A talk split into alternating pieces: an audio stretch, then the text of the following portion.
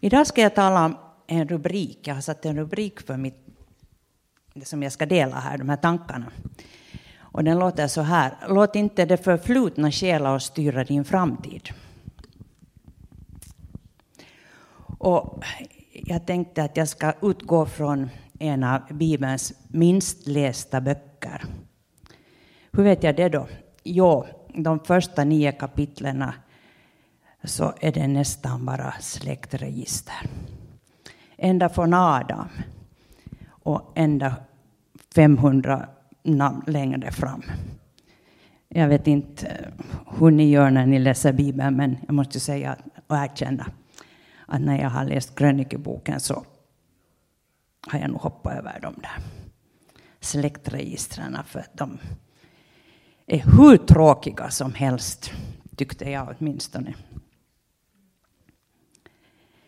Men det fantastiska är att i det mest tråkiga så finns det också vissa ljusglimtar. Och det är det vi ska titta på här idag. Och då går vi till kapitel 4. Och efter 44 namn, så mitt i allt så finns där någonting som inte är ett släktregister, utan det är två verser som kommer precis upp och ner helt och hållet. Och det står så här. Men Jabes var mer ansedd än sina bröder. Hans mor gav honom namnet Jabes, för jag har fött honom med smärta, sa hon. Jabes, Jabes ropade till Israels Gud och sa O, att du ville välsigna mig och utvidga mitt område och låta din hand vara med mig. O, att du ville göra så att jag slipper olycka och smärta. Och Gud lät det bli så som han bad. Och så fortsätter följande vers med släktregister igen. Det måste ha varit en speciell bön det här eftersom den bara kommer där mitt i det, det står inte de här 500 namnen hur de bad. Utan det står bara hur Jabes bad. Det måste ha varit en bön efter Guds hjärta. Och när vi tänker på Jabes så var han ju inte egentligen faktiskt känd för att, för att han hade ett gott rykte. Och inte var han känd för att han hade varit som Mose och dragit folk genom öknen. Och inte var han känd för så mycket annat speciellt heller, utan han var känd för den här lilla enkla bönen som gjorde en stor skillnad i hans liv. Han föddes inom Judas stam och det står att han var ansedd faktiskt. Han hade ett gott rykte, men det står inte något dess vidare om det. Men han verkar ändå inte riktigt vara nöjd. Han kände sig på något sätt lite begränsad. Och han längtade efter något annat och något lite mer som det som han upplevde då just. Han ville ha en förändring. Och han tänkte att, att så här har det alltid varit. Och så här kommer det, inte, kommer det alltid att bli. Men jag vill faktiskt ha en förändring i mitt liv. Han såg något mera och, och annorlunda. Han började be. Han lyfter sina händer och, och så ber han min far. O, att du verkligen ville välsigna mig. Det är det första han ber om välsignelse. Vad betyder det då att vara välsignad? Vad var det riktigt han bad om? Jo, vi vet ju alla att när vi ber om Guds välsignelse så ber vi om något mera än vi själva kan skaffa oss. Något, vi ber om något mycket större och något som bara Gud kan ge. Han bad om övernaturlig favör. Han visste att Gud är källan till välsignelse och han är överflödets Gud. Och det står i Efesierbrevet 1 och 3 så här. Välsignade var Herre Jesu Kristi Gud och Fader som i Kristus har välsignat oss med all den himmelska världens andliga välsignelse. Och i Johannes 10 och 10 så står det Jag har kommit för att de ska ha liv, ja, liv i överflöd. Vi behöver inte övertala Gud att han ska välsigna oss. För han redan välsignar oss genom Jesus. Utan vi behöver bara leva så att välsignelsen på något sätt kan nå oss.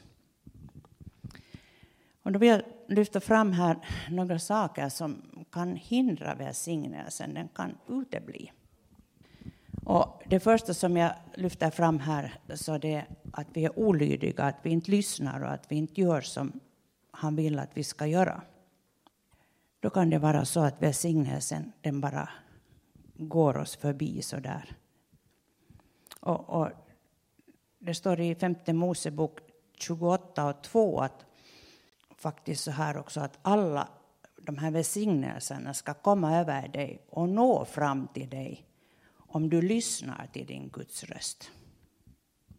Vi behöver lyssna och vara lyhörda för vad det som den heliga Ande vill säga oss. En annan sak som kan hindra oss från välsignelse är oförlåtelse. Det är egentligen ett ganska vanligt hinder i vår tid. Att vi inte vill förlåta. Vi är så, vi är så sårade så, så vi kan inte liksom tänka att vi behöver förlåta.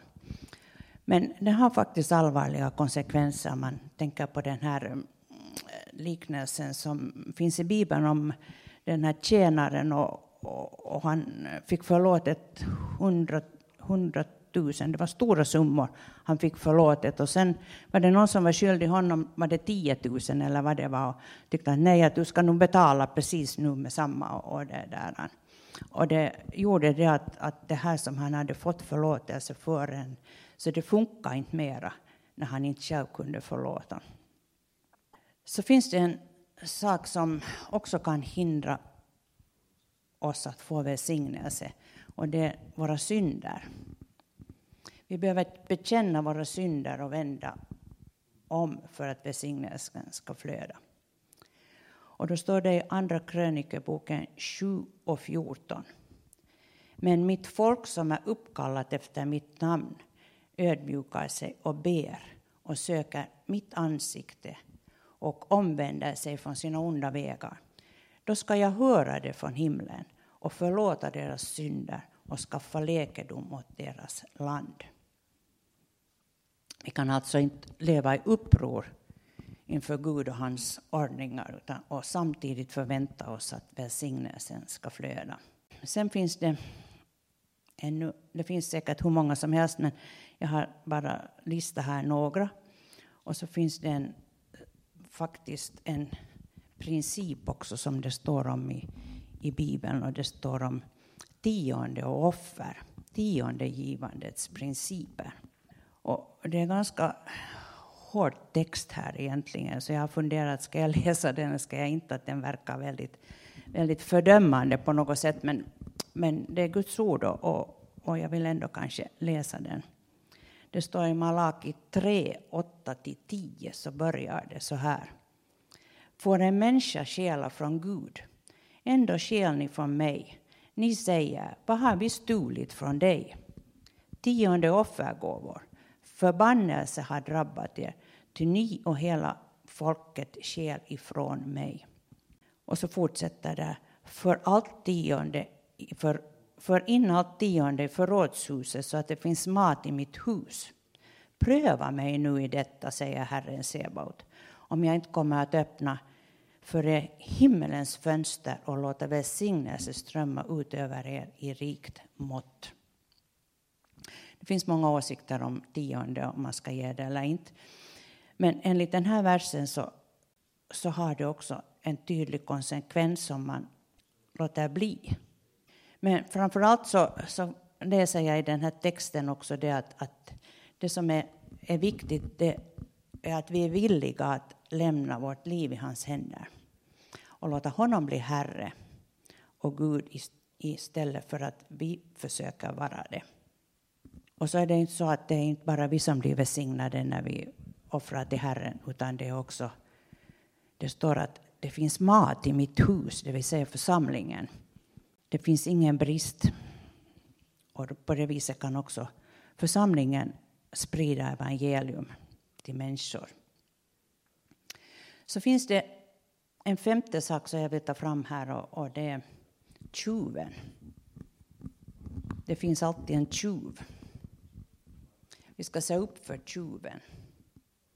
Det står i Johannes 10 och 10. Tjuven kommer bara för att stjäla, slakta och förgöra och döda. Egentligen så är det så att, att Guds välsignelse så det beror inte alltid på att vi har varit olydiga för, mot Gud eller, eller gjort något annat som är fel. Utan det också, finns också den här aspekten med att det finns en tjuv som försöker stjäla välsignelserna ifrån oss, fast vi gör allt rätt. Vad ska vi då göra åt den där tjuven? Ja, den måste avslöjas och identifieras, för den kan, den kan ha många olika skepnader, så det är inte alltid kanske så lätt att komma på att det här är, det här är en tjuv. Vi behöver få tillbaka det som den har stulit. Det står i Ordspråksboken 6 och 31 att om tjuven ertappas måste han betala sjufalt igen och ge från sig allt som han äger i sitt hus. Och vi har rätt att kräva det tillbaka. Alla välsignelser som den onde har stulit ifrån oss. Men det här kan vi göra faktiskt bara om vi avslöjar tjuven. Om vi tänker att, att någon vi förtjänar nog inte bättre, det, vi är nu sådana som vi är och kanske nu inte signelsen kanske riktigt nu är för oss och, och, så här, så då, då kan vi faktiskt inte avslöja den här tjuven på något sätt. Utan vi behöver inse att Gud är god och han längtar efter att välsigna oss. Och när vi förstår det här så märker vi att om, om det är så att vi inte välsignar det så nu är det någon tjuv som har varit framme. Men han far inte bara så där fast vi försöker identifiera honom. Vi behöver också göra någonting annat. Och vi behöver använda vår auktoritet och befalla tjuven att gå. Det står i Lukas 10 och 19 så här. Se, jag har gett er makt att trampa på ormar och skorpioner och att stå emot fiendens hela välde. Ingenting ska någonsin skada er. Gud han har gett oss möjligheten att, att befalla tjuven, vi säger den onde, att gå. Vi har rätt att kräva allt, alla stulna välsignelser tillbaka. Men vi måste använda oss av den auktoritet som vi har fått i, i Jesu namn. Det står i Johannes 14 och 13. Och vad ni än ber om i mitt namn ska jag göra för att Fadern ska bli förhärligad i Sonen. Om ni ber om något i mitt namn så ska jag göra det. Guds generositeten begränsas bara av oss människor. Inte av hans resurser, inte hans makt och, och inte villighet ens en gång. Jabes han blev välsignad helt enkelt därför att han vägrade att låta något hinder, någon person eller någon annan uppfattning vara större än för honom än Guds natur som är att välsigna. Gud har många välsignelser som vi inte ens en gång har förstått att ta ut. Det är liksom vi skulle stå vid ett hav och, och fullt med vatten och fullt med välsignelser, och så står vi där med vår lilla kopp och så, så det enda vi dricker så det är den här lilla koppen. Så finns, det finns så hemskt mycket runt omkring oss som vi skulle kunna få det, bli delaktiga av. Men genom att vi ber till Jesus så kan han också förändra vår framtid så att vi får ta del av de här välsignelserna. Det andra som Jabes bad om så det var att utvidga mitt område. Han ville se lite längre. Han ville ha vidgade dimensioner och han ville leva utan begränsningar. Jag vet, vi har ju alla varit barn och sådana här. Och vi säkert, det är inte många som kommer ihåg, men, men det där, ändå har det varit så att alla som är barn, så när de går i en stor folkskara, så ser de egentligen bara ben. För att de är så små och människorna som finns runt omkring är så väldigt stora och långa. Men det där, när någon lyfter upp dem i sin famn, så då får de liksom ett större, en, en större utsikt på något sätt. Och det är det här som, som jag tror att Jabes längtar efter. De flesta av oss så tycker att våra liv är alltför uppbokade. Vi behöver inte något utvidgat område. Vi känner att vi är stressade riktigt tillräckligt. Och om vi klarar det här så är vi riktigt nöjda. Men då är det viktigt att vi inser att, att när vi ber om ett utvidgat område så ber vi faktiskt inte om Gud om att få mera att göra. Utan vi ber om att få ett helt nytt sätt sätt att se på vårt liv och de möjligheter som kommer i vår väg. Jag vet inte om Jabes tyckte att det var trångt på något sätt och han kände liksom så här att nu behöver han få ett utvidgat område. Han behöver få lite större space på något sätt. Det fanns en annan i Bibeln också som, som det står om att hade trångt. Det var trångt. Och det var Abraham och Lot. När de hade, de hade jättemycket boskap och, och det här landet som, som de levde på så det blev för trångt och de behövde få ett utvidgat område. Och det, det står så här i Första Mosebok 13, och 14 och 15. Herren sa till Abraham, sedan Lot hade skilt sig från honom, lyft din blick och se dig omkring från den plats där du står. Mot norr och söder, öster och väster. Hela det land som du ser ska jag ge åt dig och dina efterkommande för evig tid. Herren sa, lyft din blick. Ofta så tittar vi ner på våra fötter och, och det som vi just ser här. Men här står det, lyft din blick. Och när vi börjar be om utvidgat område och vi lyfter vår blick så, så kan det hända det saker och ting. Och vi får vara med om att vi på något sätt också får ett större område och våra resurser de växer på ett övernaturligt sätt. Gud han gläder sig över att göra stora ting med tillsammans med oss och genom oss. Och när vi går med honom så kommer vi att få se saker och ting som vi kanske inte alltid har tänkt att vi ens ska kunna få vara med om. Och vad vi än har för gåvor och kallelse eller livsuppgift så är det vår kallelse här på jorden att göra Guds gärningar. Gud han söker efter människor som är villiga att göra mer av sitt liv och därigenom också få vara till välsignelse för andra. Var ska man börja då?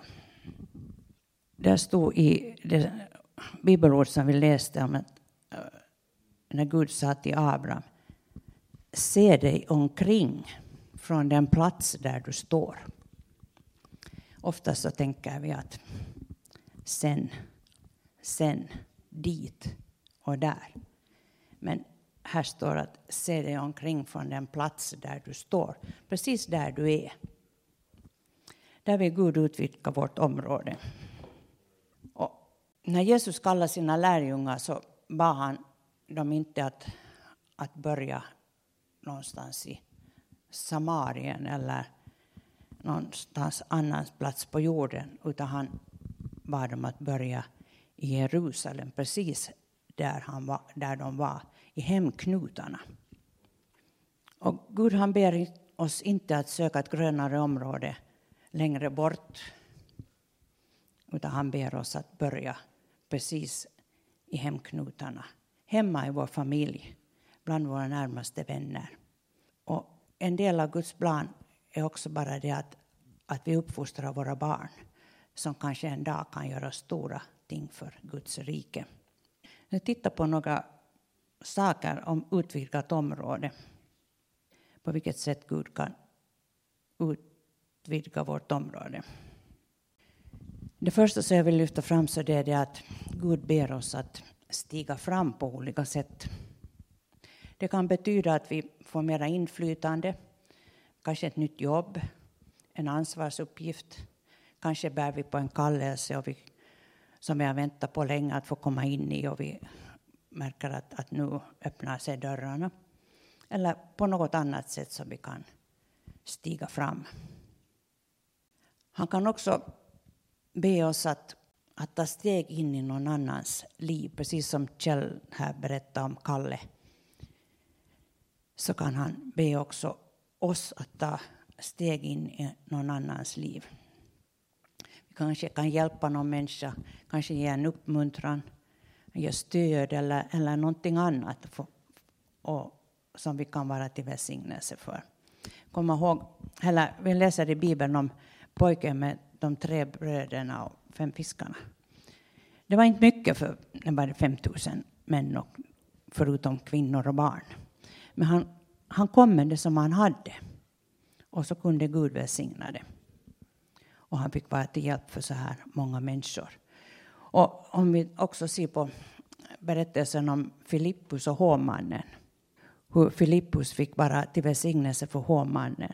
Det står inte att Filippus hade så hemskt mycket med sig. Men han kunde hjälpa denna hovmannen att finna, att finna Jesus.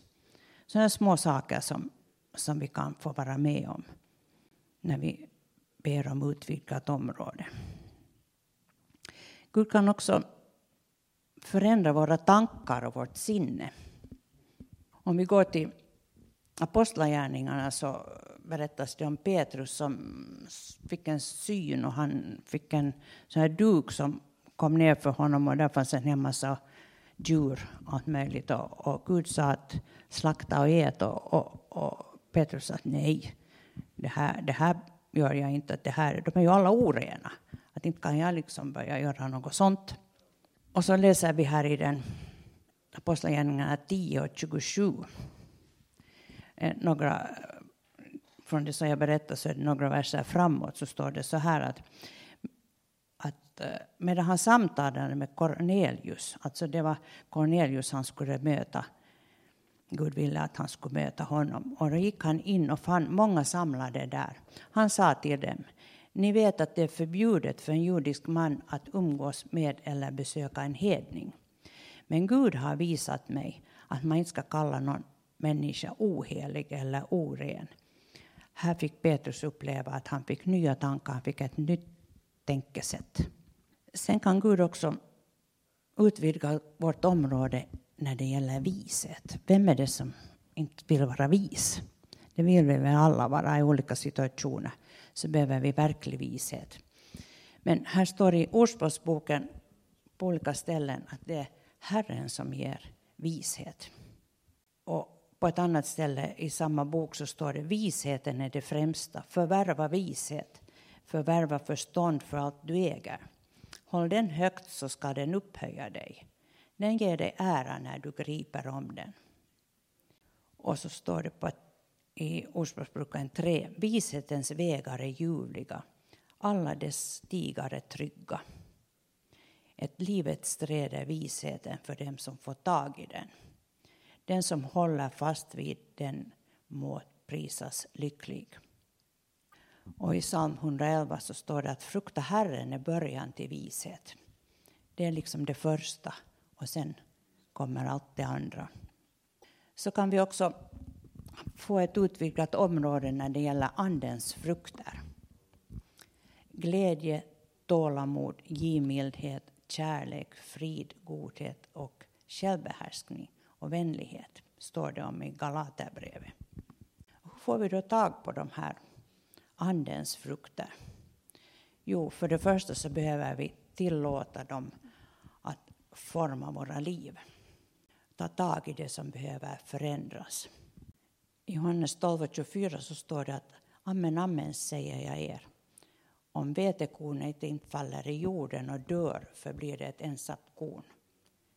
Men om det dör bär det rik. Vetekornet behöver dö för att spira upp på nytt och börja växa. Och samma sak är det med vår egen natur och vårt kött så att säga, det behöver också dö för att andens frukter ska kunna växa till. Att fyllas med andens frukter är en livslång process. Det går inte bara så där i ett huj. En process som ständigt pågår. Vi måste alltid dö från någonting för att vi ska kunna få tag på den här gudomliga naturen. Och ju mer vi dör, desto mer så fylls vi av goda tankar, ord och handlingar och blir mer och mer rättfärdiga och heliga. Och det gäller också för kärlek, glädje, frid, tålamod och alla andra Andens frukter. Vi behöver ha den här längtan i våra hjärtan och önskan om att, att alltid brinna i våra hjärtan. Att jag måste få mer av Andens frukter. Jag måste rensas mer och fyllas med gudomlig natur. En annan grej som vi också får, kan få ett utvidgat område på så det är de andliga nådegåvorna. Det står i Första Korinthierbrevet 14 att sträva ivrigt efter kärleken men sök också vinna de andliga gåvorna, framförallt profetians gåva. Vi får be om ett utvidgat område i det övernaturliga. De andliga gåvorna behöver vi för de är redskapen för att vi ska kunna betjäna människor runt omkring oss. Vi behöver mer av andlig känslighet, vad Gud vill göra i våra egna men också i andras liv. Och de här redskapen de är helt gratis. Det är bara att vi börjar be om dem. Vi tänker oftast i oss själva att, lite så här att om jag tar min förmåga och min erfarenhet och min utbildning och min personlighet plus mitt förflutna plus andras förväntningar så det är mitt tilldelade område. Det är det som är där jag, det som jag har fått åt mig. När Guds matematik och hans tankar är så här att han tar min villighet och min svaghet och så sätter han till sin vilja och övernaturliga kraft. Och då får vi ett utvidgat område. När man ber om ett utvidgat område så ber man faktiskt om mirakler. Vi ber om att Gud griper in vi kan få ställa oss till hans förfogande. Sen följande sak som Jabes bad om, så det var att Å, att du låter din hand vara med mig. Jabes han visste att han behövde Guds hjälp i den här processen som han bad om.